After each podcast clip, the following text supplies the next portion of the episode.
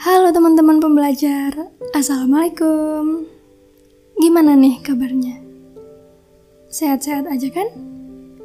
Aku harap di masa covid yang belum selesai ini teman-teman tetap sehat-sehat aja Tetap baik-baik aja dan semoga tetap produktif juga ya kita berdoa bareng-bareng aja semoga COVID-19 ini segera selesai karena yang aku dengar kayaknya lebih parah ya jadi teman-teman tetap batasin aja aktivitas di luar rumah tetap physical distancing dan jangan lupa juga buat pakai masker ketika keluar rumah. Oke. Okay. glow up episode yang ketiga ini akan bahas tentang kreatif. Um, sebelum aku bahas tentang apa sih itu kreatif aku mau tanya sesuatu nih ke teman-teman Are you creative? Aku yakin pasti ada di antara teman-teman yang jawab dengan yakin. Yes, I am. And it's good. Dan pasti ada juga yang jawab, No, I'm not. Dan aku yakin juga pasti ada beberapa dari teman-teman yang ragu dan akhirnya memutuskan untuk gak menjawab terlebih dahulu. It's okay, apa pun jawabannya, teman-teman simpen aja terlebih dahulu. Kita lanjut dulu ke pertanyaan kedua. Sebenarnya, apa sih kreatif itu? Teman-teman tahu nggak? Banyak loh di antara kita yang menganggap kreatif itu kemampuan menciptakan karya seni, kemampuan menciptakan sesuatu yang artistik. Dan dari SMA juga nih, aku sering banget denger istilah kreatif itu ketika pelajaran seni. Tapi aku jarang banget denger istilah kreatif itu disebutkan sama teman-teman gitu ya. Ketika pelajaran selainnya. Seakan-akan kreatif itu hanya dibutuhkan ketika kita berkut berkutat dengan seni. Aku juga sering banget nih nemuin pemahaman bahwa yang butuh kreatif itu cuman seniman, cuman orang-orang yang berkecimpung di bidang seni. Jadi orang-orang yang berkecimpung di bidang psikologi, ekonomi, pendidikan atau yang lain nggak butuh-butuh banget tuh yang namanya kreatif. Teman-teman tahu nggak? Pemikiran yang kayak begini sering banget loh ngebatasin anak muda ketika hendak melatih kreativitasnya. Karena buat anak-anak yang sudah memutuskan bahwa aku bukan seniman, maka dorongannya untuk melatih kreativitasnya itu rendah karena mereka nggak merasa butuh-butuh banget. Padahal makna kreatif tuh lebih luas, lebih besar dari sekedar kemampuan membuat karya seni. Aku sempat baca-baca beberapa buku jurnal juga lihat beberapa video tentang kreatif. Dan sejauh ini aku belum pernah tuh menemukan ada ilmuwan yang bilang bahwa kreatif itu kemampuan membuat karya seni. Belum pernah, entah sih apakah di luar sana ada, tapi sejauh ini aku nggak pernah tuh menemukan. Justru dari banyaknya pendapat tentang kreatif, hampir di semua pendapat, bahkan di semua pendapat, itu menyebutkan dua hal besar tentang definisi kreatif. Intinya cuma dua. Yang pertama, kreatif itu kemampuan menciptakan hal yang baru. Dan yang kedua, kreatif itu kemampuan memecahkan masalah dengan cara yang baru. Udah, sebagian besar pendapat itu cuma mendefinisikan kreatif sebagai dua hal itu menyelesaikan masalah dengan cara yang baru. Dari situ kita bisa tahu tuh bahwa nggak ada batasan profesi atau batasan bidang studi yang kita pilih. Semua orang berhak untuk kreatif. Semua orang butuh kreatif, nggak hanya seniman. Karena semua orang pasti punya masalah yang perlu dipecahkan dan semua orang berhak menciptakan hal baru untuk menyelesaikan masalahnya. Jadi, apa pun profesimu, meskipun kamu bukan seniman, meskipun kamu bukan pemusik, bukan desainer grafis, kamu berhak untuk kreatif. Kamu berhak melatih kreativitasmu. Jadi, jangan sekali-sekali lagi ya membatasi kreatif itu hanya kemampuan membuat karya seni. Enggak. Kreatif itu kemampuan menyelesaikan masalah dengan cara yang baru. Sampai sini, kalau aku ulangi pertanyaan pertamaku tadi, are you creative? Kira-kira apa nih jawaban teman-teman? Apakah masih ada yang jawab, no, I'm not that creative? Kalau misal masih ada, it's okay tapi aku mau bilang sesuatu yang berharga buat kamu. Bahwa sebenarnya semua orang tuh kreatif. Semua orang punya potensi jadi kreatif. Kita hanya nggak tahu aja cara ngelatihnya. Kenapa? Kenapa aku berani bilang gitu? Karena ada seorang ilmuwan namanya Arthur Cropley. Dia dari Universitas Hamburg. Dia bilang, semua orang tuh berbeda. Semua orang tuh nggak ada yang sama.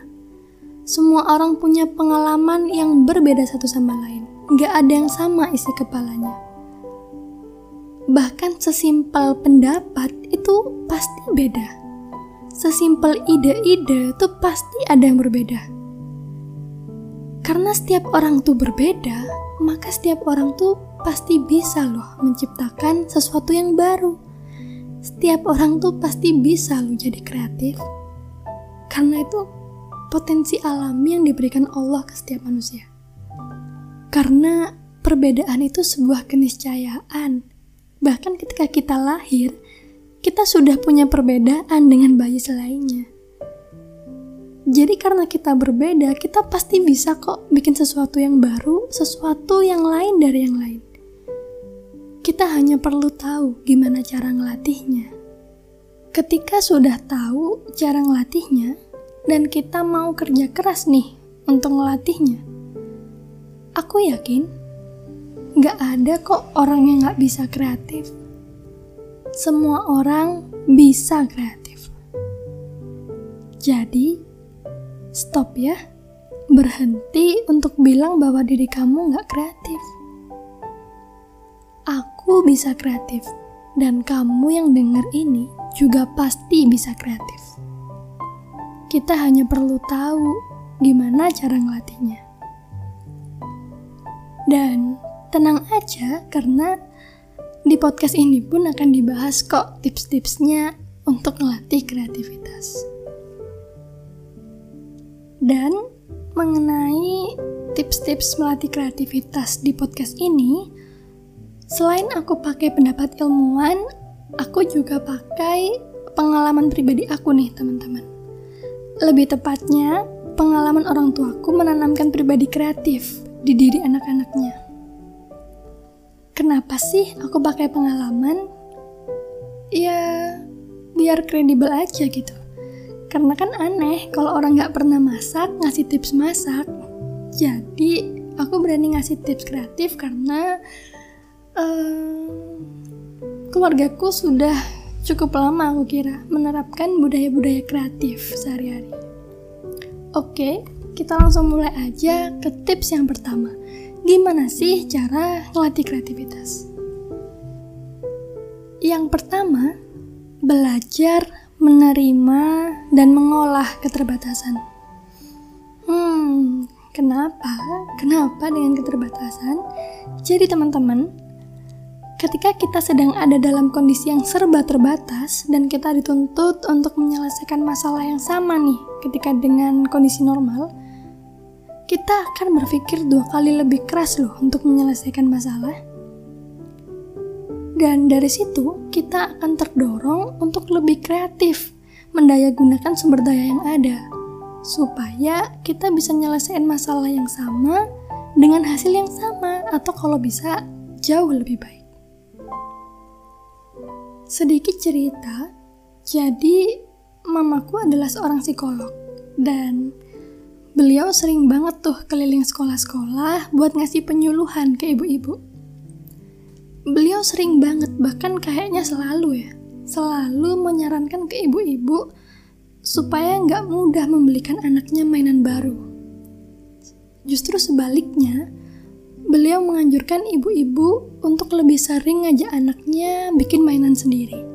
Mainan dari daur ulang atau ya barang-barang seadanya yang ada di rumah. Intinya bikin mainan sendiri. Dan prinsip ini pun gak hanya disarankan aja ke ibu-ibu, tapi dalam kehidupan sehari-hari, hal ini benar-benar diterapkan dari aku kecil sampai sekarang aku dewasa, hal itu masih terus berlanjut teman-teman. Hmm, sedikit cerita lagi. ada saat-saat ketika kondisi ekonomiku nggak begitu bagus. Maksud aku kondisi ekonomi keluargaku nggak begitu bagus. Jadi ada banyak banget kebutuhan yang kita tuh nggak bisa untuk menuin, nggak bisa untuk beli sekarang juga.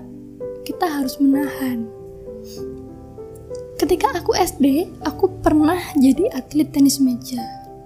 Yang ngelatih aku omku sendiri, yang sama-sama atlet nih. Atlet yang profesional tapi ya dan ketika aku jadi atlet itu, orang tuaku nggak bisa belikan aku bat. Tahu kan bat tenis meja, alat yang buat mukul bola pingpong itu loh.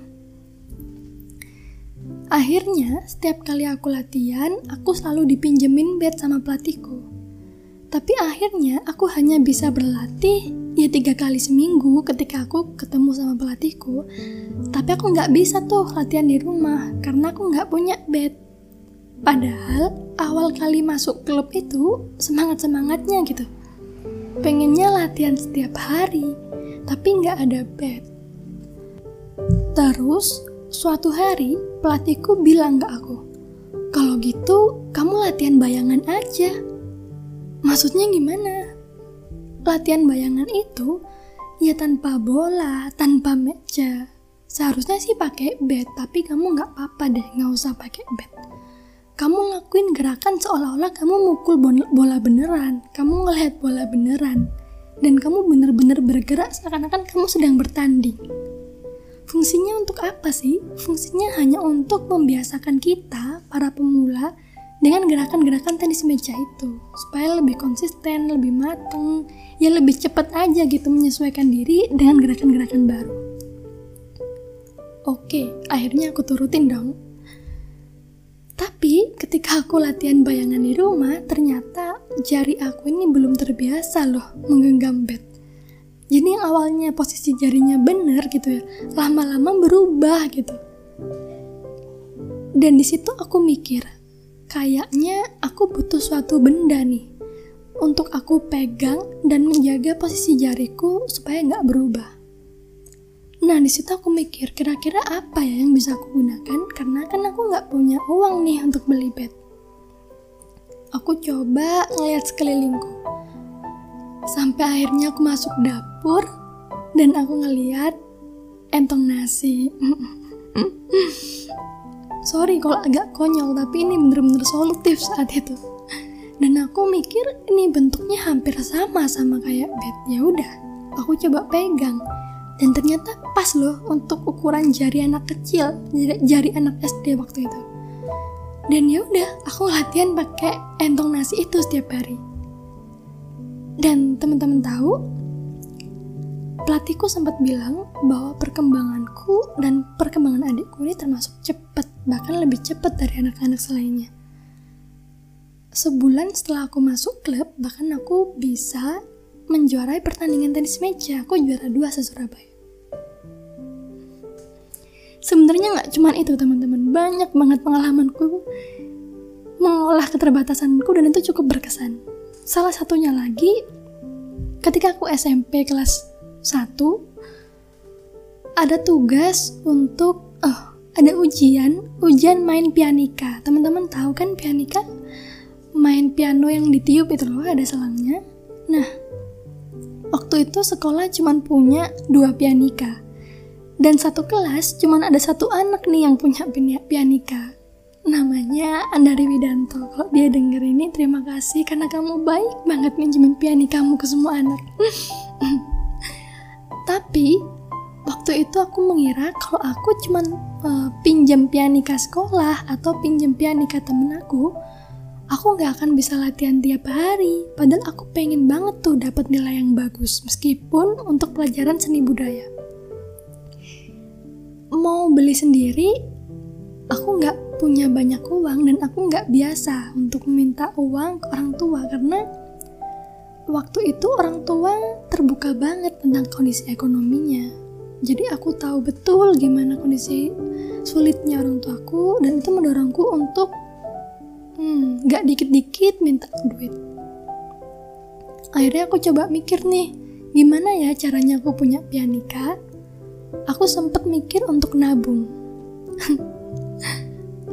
tapi uang saku aku cuma 7000 waktu itu dan 4000 nya harus aku gunakan untuk naik angkot jadi cuma nyisa 3000 dan 3000 itu aku gunakan untuk beli es karena setiap pulang sekolah aku harus jalan sekitar sekitar 2 kilo dari sekolah ke jalan raya dan itu capek banget panas-panas jadi aku nggak bisa menggunakan 3000 ini untuk keperluan yang lain selain beli es jadi impossible banget buat aku waktu itu untuk nabung.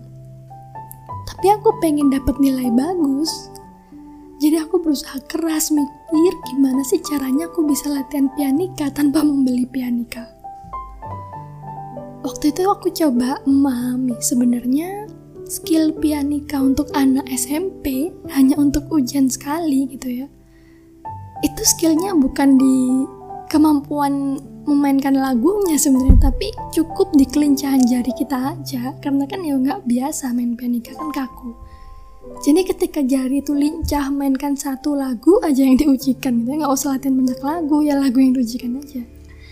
Itu kita sudah bisa lancar kok sudah bisa lancar mainkan, satu lagu jadi cuman kelincahan jari ya udah waktu itu aku mencoba ngambil kardus di rumah Terus aku gambar pianika di kertas itu.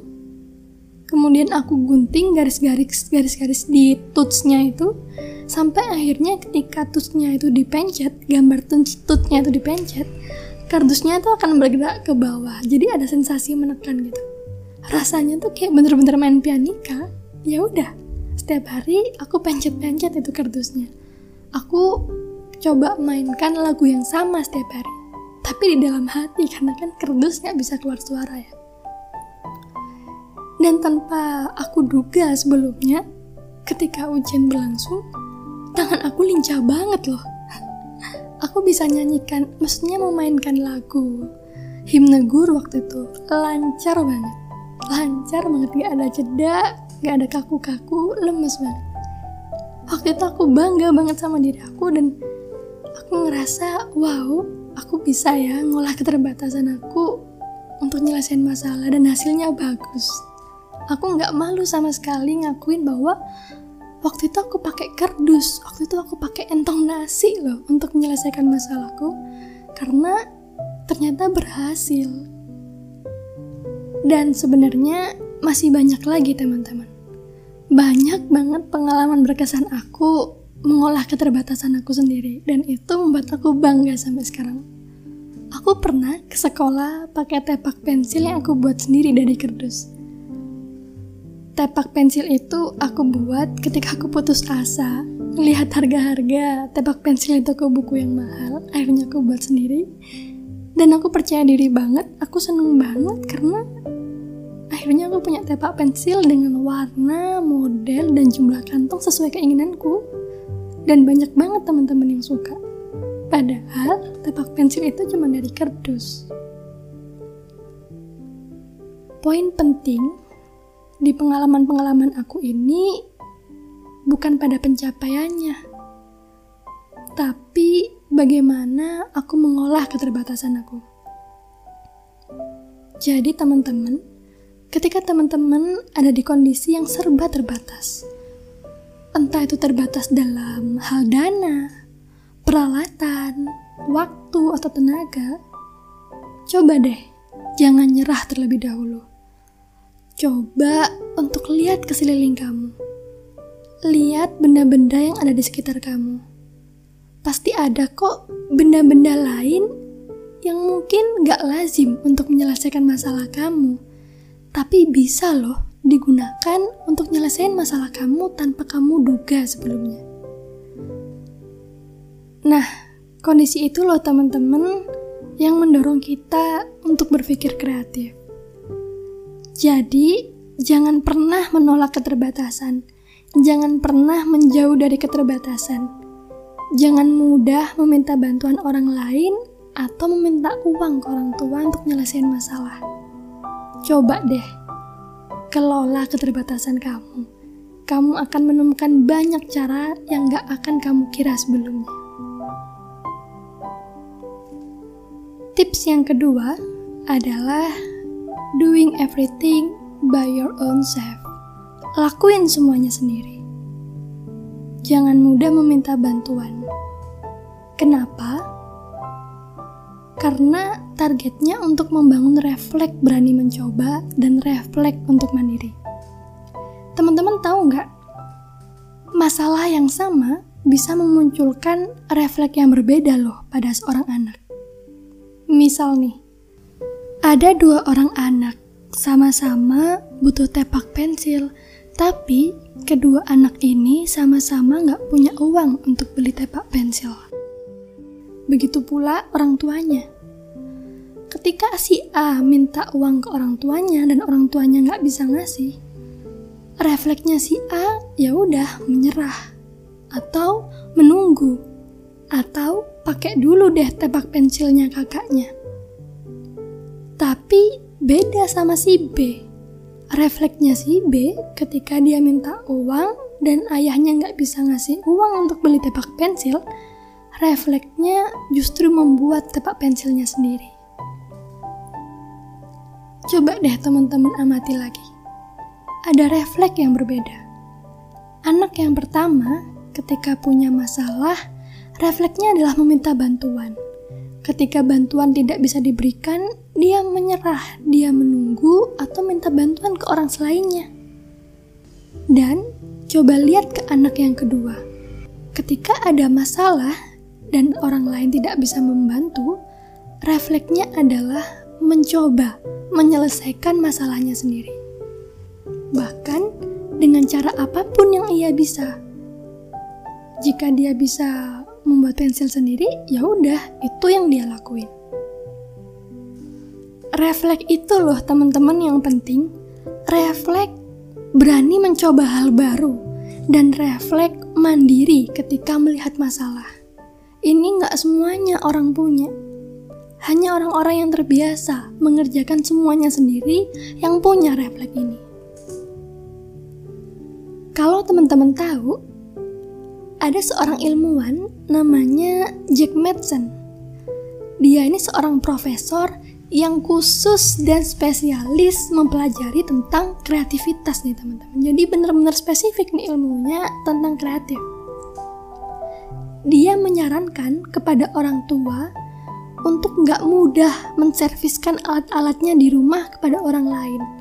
Tapi sering-sering tuh memperbaiki barang-barang di rumah dan usahakan ketika memperbaiki barang di rumah, anak itu melihat. Fungsinya apa? Karena Jack Madsen ini berpendapat hal itu bisa menimbulkan refleks kepada anak ketika ada masalah.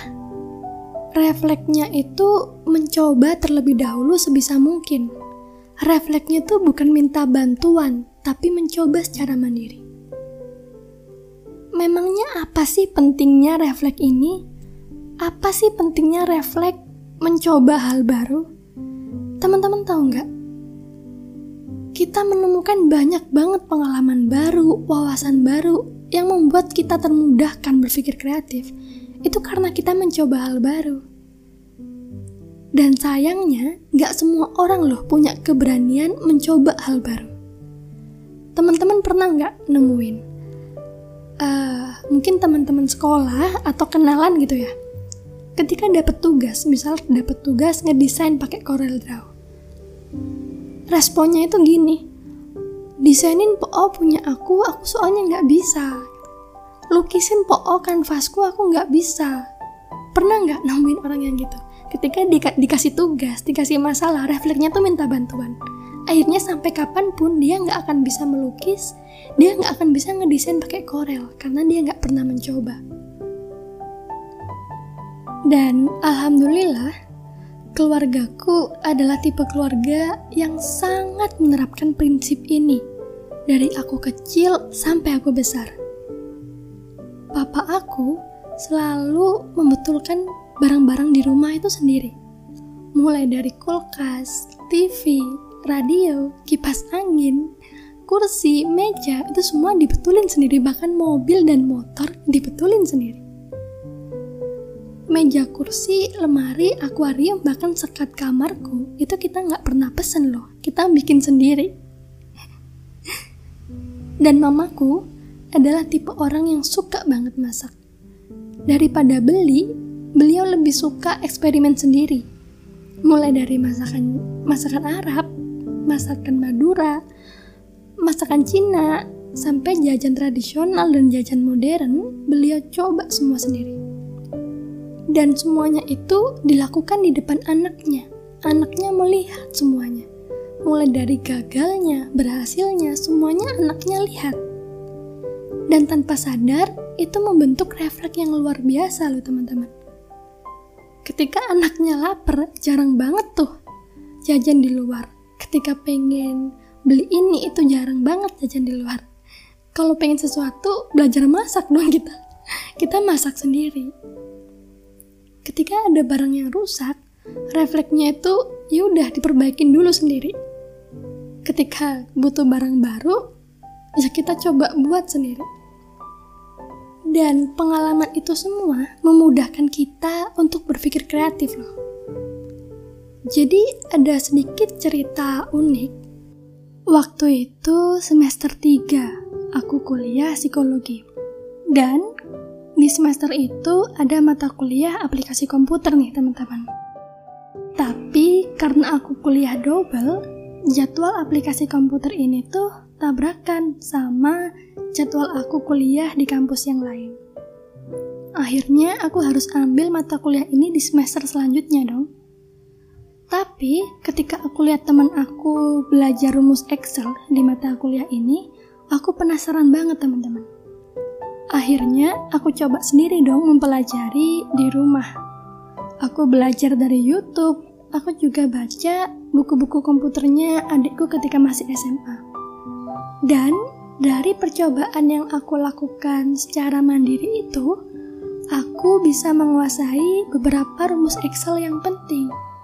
Dan di semester selanjutnya, ternyata rumus itu bisa aku gunakan untuk membantu mamaku. Jadi, ketika aku lihat mama bikin laporan psikologi, itu butuh waktu yang cukup lama gitu. Untuk satu laporan itu dibutuhkan waktu sekitar 30 sampai 45 menit, bahkan lebih. Padahal sering banget jumlah laporannya itu banyak banget. Akhirnya aku coba nih kreasikan bentuk laporannya. Aku kombinasikan dengan rumus Excel. Dan ternyata bisa mengefisiensikan waktu yang cukup banyak loh yang awalnya butuh waktu 30 sampai 45 menit, sekarang untuk membuat laporan psikologi cukup dibutuhkan waktu 15 sampai 20 menit. Dan itu bisa ngebantu mama banget. Dan hasilnya pun masih bagus, masih sama seperti ketika mengerjakan di Word. Tetap informatif, tetap bisa menjelaskan kondisi psikologis yang sebenarnya, dan isinya pun tetap padat. Cuman waktunya lebih singkat. Dan sampai sekarang, rumus Excel itu masih digunakan loh di biru mama dalam konteks-konteks tertentu. Nah, teman-teman, dari situ kita bisa tahu nih bahwa dengan mandiri, dengan mengerjakan semuanya sendiri sebisa mungkin, kita bisa mencoba banyak banget hal baru. Dan kita bisa dapat banyak banget wawasan baru, juga pengalaman baru dan kita nggak akan menduga loh, wawasan dan pengalaman itu nanti akan membantu kita ke depannya berpikir lebih kreatif. Dan satu lagi hal yang paling penting dengan men menciptakan refleks mencoba hal baru, kita bisa menjadi anak yang serba bisa loh teman-teman. Ketika uh, eskul aku ada keperluan membuat banner, aku coba sendiri belajar Photoshop dari nol. Pusing sih, tapi akhirnya aku bisa Photoshop ketika aku pengen makan puding, makan brownies, aku coba sendiri. Aku belajar masak dari yang awalnya nggak ngerti. Ternyata ketika dicoba, dipelajari, akhirnya aku bisa masak. Dulu aku pernah pengen punya rok yang bagus, tapi aku cuma punya uang 30 ribu. Ya udah, aku beli kain dan aku coba belajar jahit pakai mesin jahit bekasnya papaku. Dan ternyata ketika dicoba, aku jadi bisa jahit ketika aku ada di divisi dekdok nggak ada yang bisa ngedit video waktu itu. Ya udah aku coba pelajarin. Aku lakuin sendiri ngebikin video ngebikin film. Dan ternyata akhirnya aku bisa dong pakai Premiere. Ketika aku lihat temen aku bikin podcast dan aku punya banyak banget hal yang bisa aku bagikan aku coba buat dan ternyata sekarang aku bisa loh pakai aplikasi edit suara. Aku bisa bikin podcast dari mencoba banyak hal baru dengan tangan kita sendiri, mengerjakan banyak hal dengan kemampuan kita sendiri, kita bisa menjadi pribadi yang serba bisa. Coba deh, ketika ada masalah, tahan dirimu untuk minta bantuan teman. Ketika ada masalah, tahan dirimu untuk minta bantuan ortu. Coba deh, pelajari sendiri selesaikan sendiri. Nanti kalian akan kaget loh, karena suatu saat nanti kalian akan menemukan diri kalian dalam kondisi serba bisa. Dalam kondisi punya banyak referensi yang membantumu berpikir kreatif. Kemudian yang keempat, sorry, ketiga maksud aku, tips ketiga, Jangan berorientasi pada hasil, apalagi kita baru memulai, baru mulai melatih diri kita untuk kreatif. Karena kenapa? Karena yang penting tuh prosesnya. Nanti ketika punya anak dan dia hendak kita biasakan untuk membuat hal baru, untuk mencoba hal baru, maka jangan fokus pada hasilnya. Nggak apa kok mainan hasil dia jelek, Gak apa-apa kok mainan hasil dia mudah rusak. Karena yang penting tuh bukan hasilnya tapi prosesnya ini loh refleksnya ini. Dan lagi ketika kita melihat hasil refleks kita tuh bandingin dengan ekspektasi kita. Dan ini tuh gak akan ketemu apalagi di awal. Karena kita pasti punya ekspektasi yang tinggi. Sedangkan ketika awal kali mencoba, hasilnya belum tentu sempurna. Yang ada, kita malah kecewa, malah mudah down, dan overthinking. Jadi, ketika awal mencoba, jangan pernah fokus di hasil. Jangan pernah mikirin gimana nanti hasilnya entah bagus, entah jelek, entah indah, entah enggak, menyelesaikan masalah atau enggak berhasil menyelesaikan masalah, yang penting berproses terlebih dahulu. Kemudian, tips yang keempat, ini cukup klise sih, cukup banyak banget didengar, yaitu prinsip ATM, amati, tiru, dan modifikasi aku cuman mau ngingetin beberapa hal dalam ATM. Yang pertama, dalam mengamati, kita harus paham prinsip penyelesaian masalah. Karena setiap masalah itu pasti punya prinsipnya, teman-teman. Contohnya nih, kisah nyata. Ada temen aku yang ingin menghias kamarnya dengan desain minimalis dia buka-buka nih foto di Pinterest dan dia nemuin kamar yang minimalis itu punya banyak yang punya rak dan raknya itu diisi buku, vas bunga atau vas tanaman gitu isi tanaman sama mainan-mainan gitu, entah figura atau patung. Dia nggak memahami prinsip minimalisnya itu sendiri. Dia salah memahami prinsip minimalis. Yang dia tangkap minimalis dan indah itu ketika ada rak, ada buku, ada vas bunga, ada mainan atau ada figura. Akhirnya ketika dia berhasil beli rak ini ya, dia taruh semua buku, semua bukunya di sana. Warnanya beragam banget, campur aduk.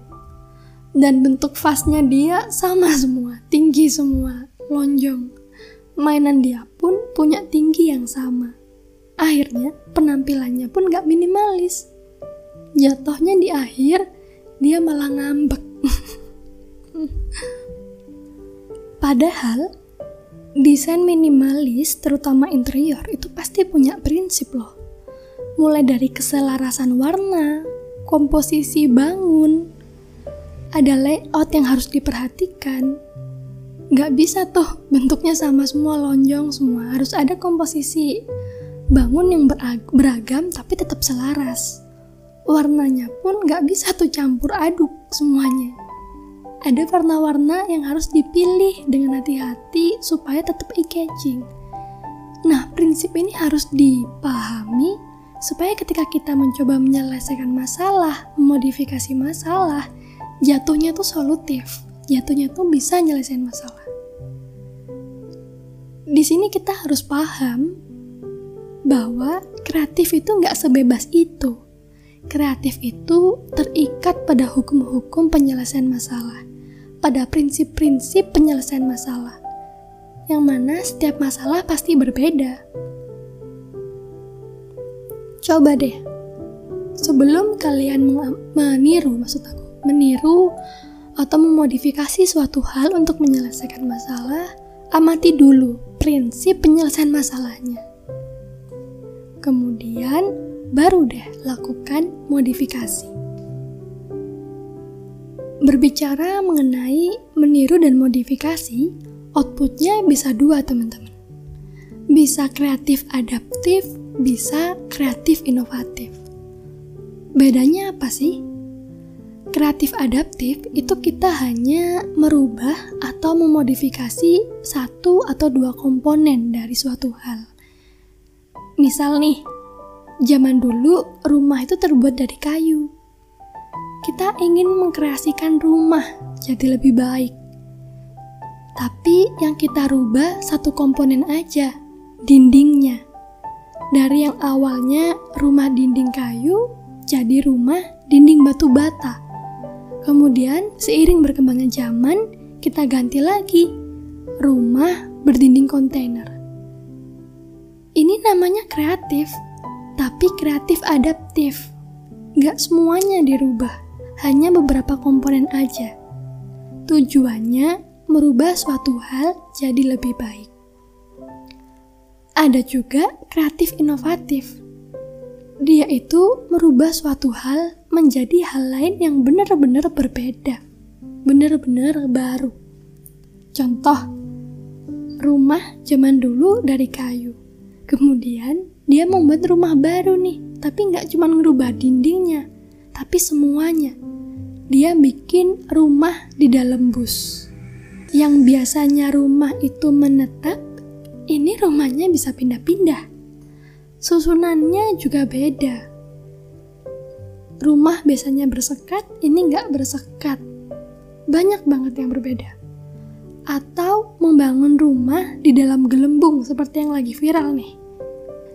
Di bawah laut atau juga di tepi di tepi tebing. Ada tuh aku pernah lihat. Lagi viral juga ya villa di tepi tebing di bawah laut, pegunungan gitu di dalam gelembung.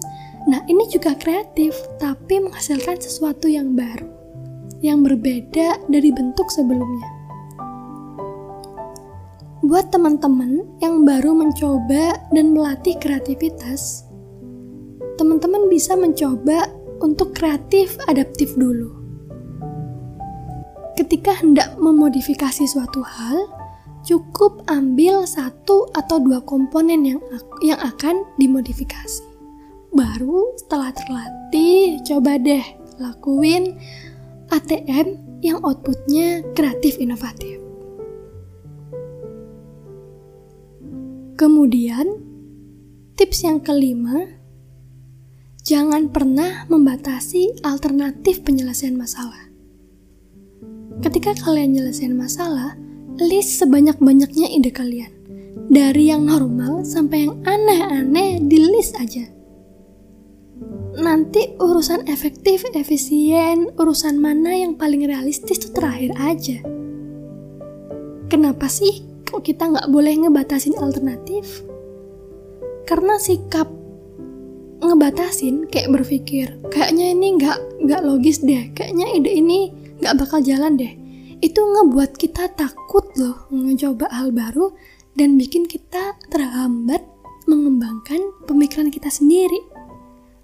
Bahkan ada seorang ilmuwan namanya Tony Buzan, dia itu sama seperti ilmuwan sebelumnya, dia spesialis tentang kreativitas.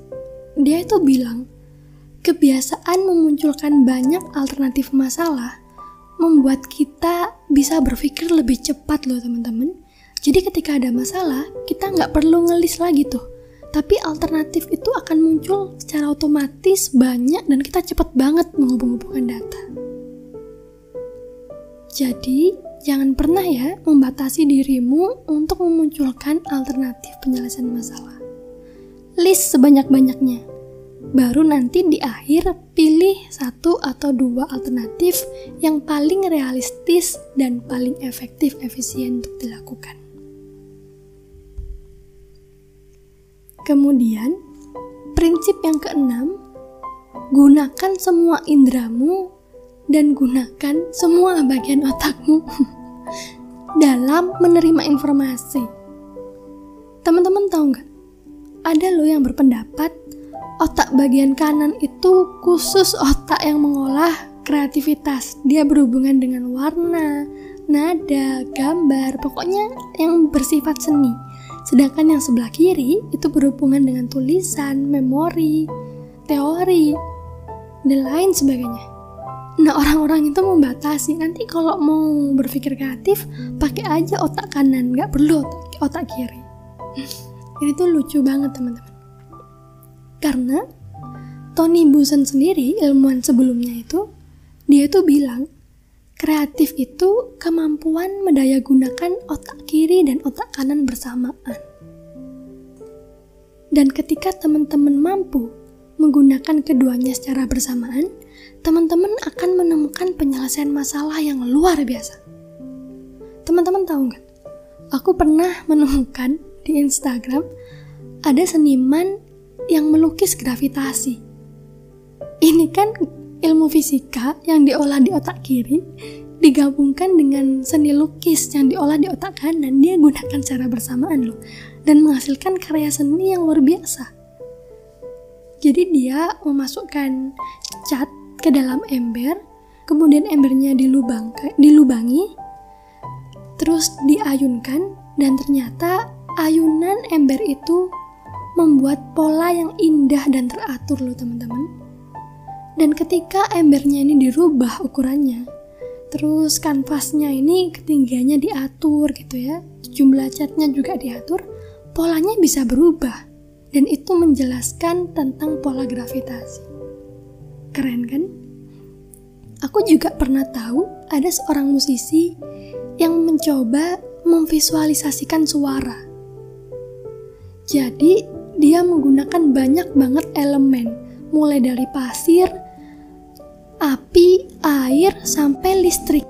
Dia gunakan untuk menggambarkan suara. Dan ternyata masing-masing alat musik itu mempunyai gelombang suara yang berbeda loh teman-teman. Ketika dia menyentuh elemen yang berbeda, bentuk gelombangnya tuh berbeda. Ini kan fisika yang digabungkan dengan seni dia menggunakan kedua belah otaknya, otak kiri dan otak kanan. Hasilnya justru luar biasa. Jadi nggak ada tuh untuk kreatif pakai otak kanan aja, nggak ada. Tapi upayakan gunakan kedua otak. Maksud aku gunakan seluruh fungsi otakmu untuk menyelesaikan masalah. Terus maksimalkan juga lima indera. Karena kenapa? Karena menurut Tony Buzan, informasi yang bermanfaat itu nggak cuma diterima dari satu indera aja.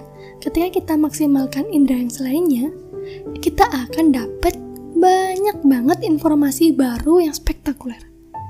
Contohnya, ya musisi yang memvisualisasikan suara tadi, meskipun dia musisi, dia nggak cuma pakai indera pendengar aja loh, tapi dia juga pakai indera penglihatan, bahkan indera pengecap untuk menentukan elemen yang pas untuk menggambarkan suara. Tuh kan teman-teman, Semakin kita mampu mengoptimalkan indera kita dalam memperoleh informasi, maka akan semakin termudahkan kita dalam berpikir kreatif. Kemudian, tips yang ketujuh, tips yang terakhir, jangan pernah membatasi pergaulan kamu. Bergaulah dengan berbagai macam orang yang berbeda karena semakin banyak kamu berinteraksi dengan orang yang berbeda, maka akan semakin variatif informasi yang kamu peroleh. Jadi, ada sebuah eksperimen nih teman-teman yang dilakukan oleh Kai Center. Kai Center ini adalah pusat belajar dan pengembangan metode belajar di Amerika. Dia membagi dua kelompok remaja, Kelompok pertama diisi oleh anak-anak yang berasal dari sekolah yang sama dan punya latar belakang yang sama. Sedangkan di kelompok yang kedua disisipkan satu anak dari sekolah yang berbeda dan latar belakang yang jauh berbeda. Kemudian kedua kelompok diberikan soal misteri. Dan apakah teman-teman tahu Ternyata kelompok kedua menyelesaikan soal misteri itu lebih cepat dan menggunakan cara yang lebih unik. Kenapa? Karena di kelompok kedua ada pemahaman atau informasi baru nih yang diperoleh sama anak-anak itu. Dapat dari mana? Dari anak yang berasal dari sekolah lain itu yang mana pemahaman-pemahaman baru ini membuat mereka berpikir lebih keras untuk menyelaraskan pemahaman antar anak gitu ya dan membuat mereka lebih kreatif karena ya tadi itu ada informasi-informasi baru yang harus ia olah jadi semakin banyak kamu berteman dengan orang yang beragam maka akan semakin beragam pula informasi yang kamu dapatkan dan kamu akan semakin termudahkan tuh memunculkan alternatif pemecahan masalah yang lebih variatif.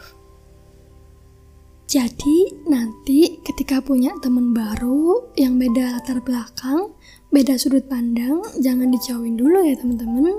Tapi coba deh kita pahami jalan pikirannya, kita coba deh pahami informasi yang dia berikan. Barangkali informasi dari dia membuat kita lebih kreatif ke depannya. Itu tadi 7 tips untuk melatih kreativitas kamu. Coba deh, setelah dengar podcast ini, lakukan satu persatu, tahap demi tahap, mulai dari hal yang paling kecil dulu. Setelah dengar podcast ini, coba deh lihat ke seliling kamu. Coba cari adakah hal-hal yang mungkin perlu diperbaiki? Entah itu tas yang sobek, atau kosmetik yang berantakan, atau meja yang gak seimbang, atau apa pun itu. Dan coba deh besok perbaiki dengan tanganmu sendiri. Aku yakin ketika teman-teman berhasil menyelesaikan masalah pertama dengan tangan kita sendiri, teman-teman pasti seneng banget dan akan ketagihan untuk nyelesain masalah yang selainnya. Dan coba deh buat satu buku kecil, bisa dari HVS atau buku-buku bekas, dan tuliskan ide-ide baru kalian setiap hari tentang apa pun itu. Tuliskan aja, jangan sampai hilang begitu aja. Kemudian, coba lakukan itu secara rutin. Coba deh, bayangkan diri kalian 2-3 bulan lagi Mungkin kalian sudah punya skill baru. Mungkin juga punya banyak tumbukan ide yang siap direalisasikan. Mungkin juga kalian tumbuh jadi pribadi yang mandiri dan lebih solutif. Hmm, aku nggak bisa bayangin nih teman-teman. Pasti ada perubahan yang luar biasa kalau teman-teman mau konsisten. Dan jangan lupa ya, nanti kita bisa sharing-sharing karena aku sendiri sekarang masih melakukan hal itu. Aku masih mencatat hal-hal baru apa yang aku coba setiap harinya, ide-ide baru apa yang muncul di kepalaku setiap harinya. Kita bisa saling sharing dan bertukar kabar tentang perkembangan diri kita masing-masing. Supaya kita bisa saling dukung, saling menyemangati, dan bisa tumbuh sama-sama. Oh ya teman-teman, aku mau sharing sesuatu yang ya aku mau pengen sharing aja. Kalau teman-teman tanya negeri mana yang pengen aku kunjungin, salah satu negeri yang pengen banget aku kunjungin adalah Cina. Kenapa? Karena aku penasaran banget nih teman-teman. Teman-teman pernah tahu nggak produk-produknya orang Cina? Kreatif-kreatif kan? Bener-bener efektif dan efisien. Aku pengen tahu budaya apa ya yang diterapkan oleh mereka sampai mereka masyarakatnya jadi kreatif itu dan itu nggak cuma satu dua tapi hampir seluruh masyarakatnya itu kreatif dan aku pengen banget gitu lihat Indonesia mungkin suatu saat nanti bisa sekreatif itu dan sebenarnya podcast ini adalah langkah kecil yang aku buat dalam rangka ya aku ingin menjadikan lingkunganku lebih kreatif. Gak cuma lingkungan keluarga aku, tapi juga teman-teman dan rekan-rekan kerjaku.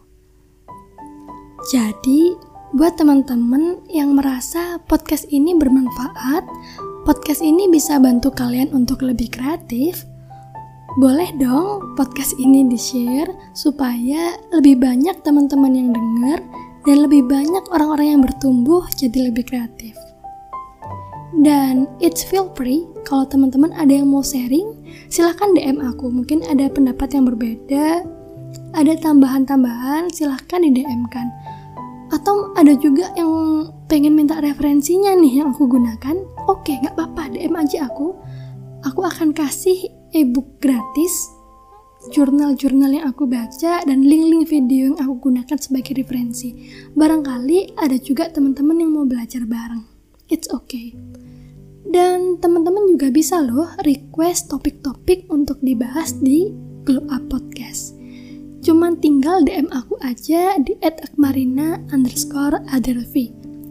Aku janji aku akan balas selama itu membuat Glow Podcast lebih bertumbuh. Um, untuk podcast episode ketiga ini aku kira cukup sampai di sini. Mohon maaf banget kalau banyak kekurangan. Mohon maaf kalau suaraku nggak stabil. Thank you udah dengerin sampai sini. Thank you so much. Sampai ketemu lagi di episode keempat dan insya Allah akan ada sesuatu yang baru nih di episode keempat dan belum ada di podcast-podcast yang selainnya. insya Allah ya. Jadi jangan lupa ketemu lagi di episode keempat nanti. Dan jangan lupa bertumbuh kapan pun dan di mana pun kalian berada. Bye-bye. Assalamualaikum.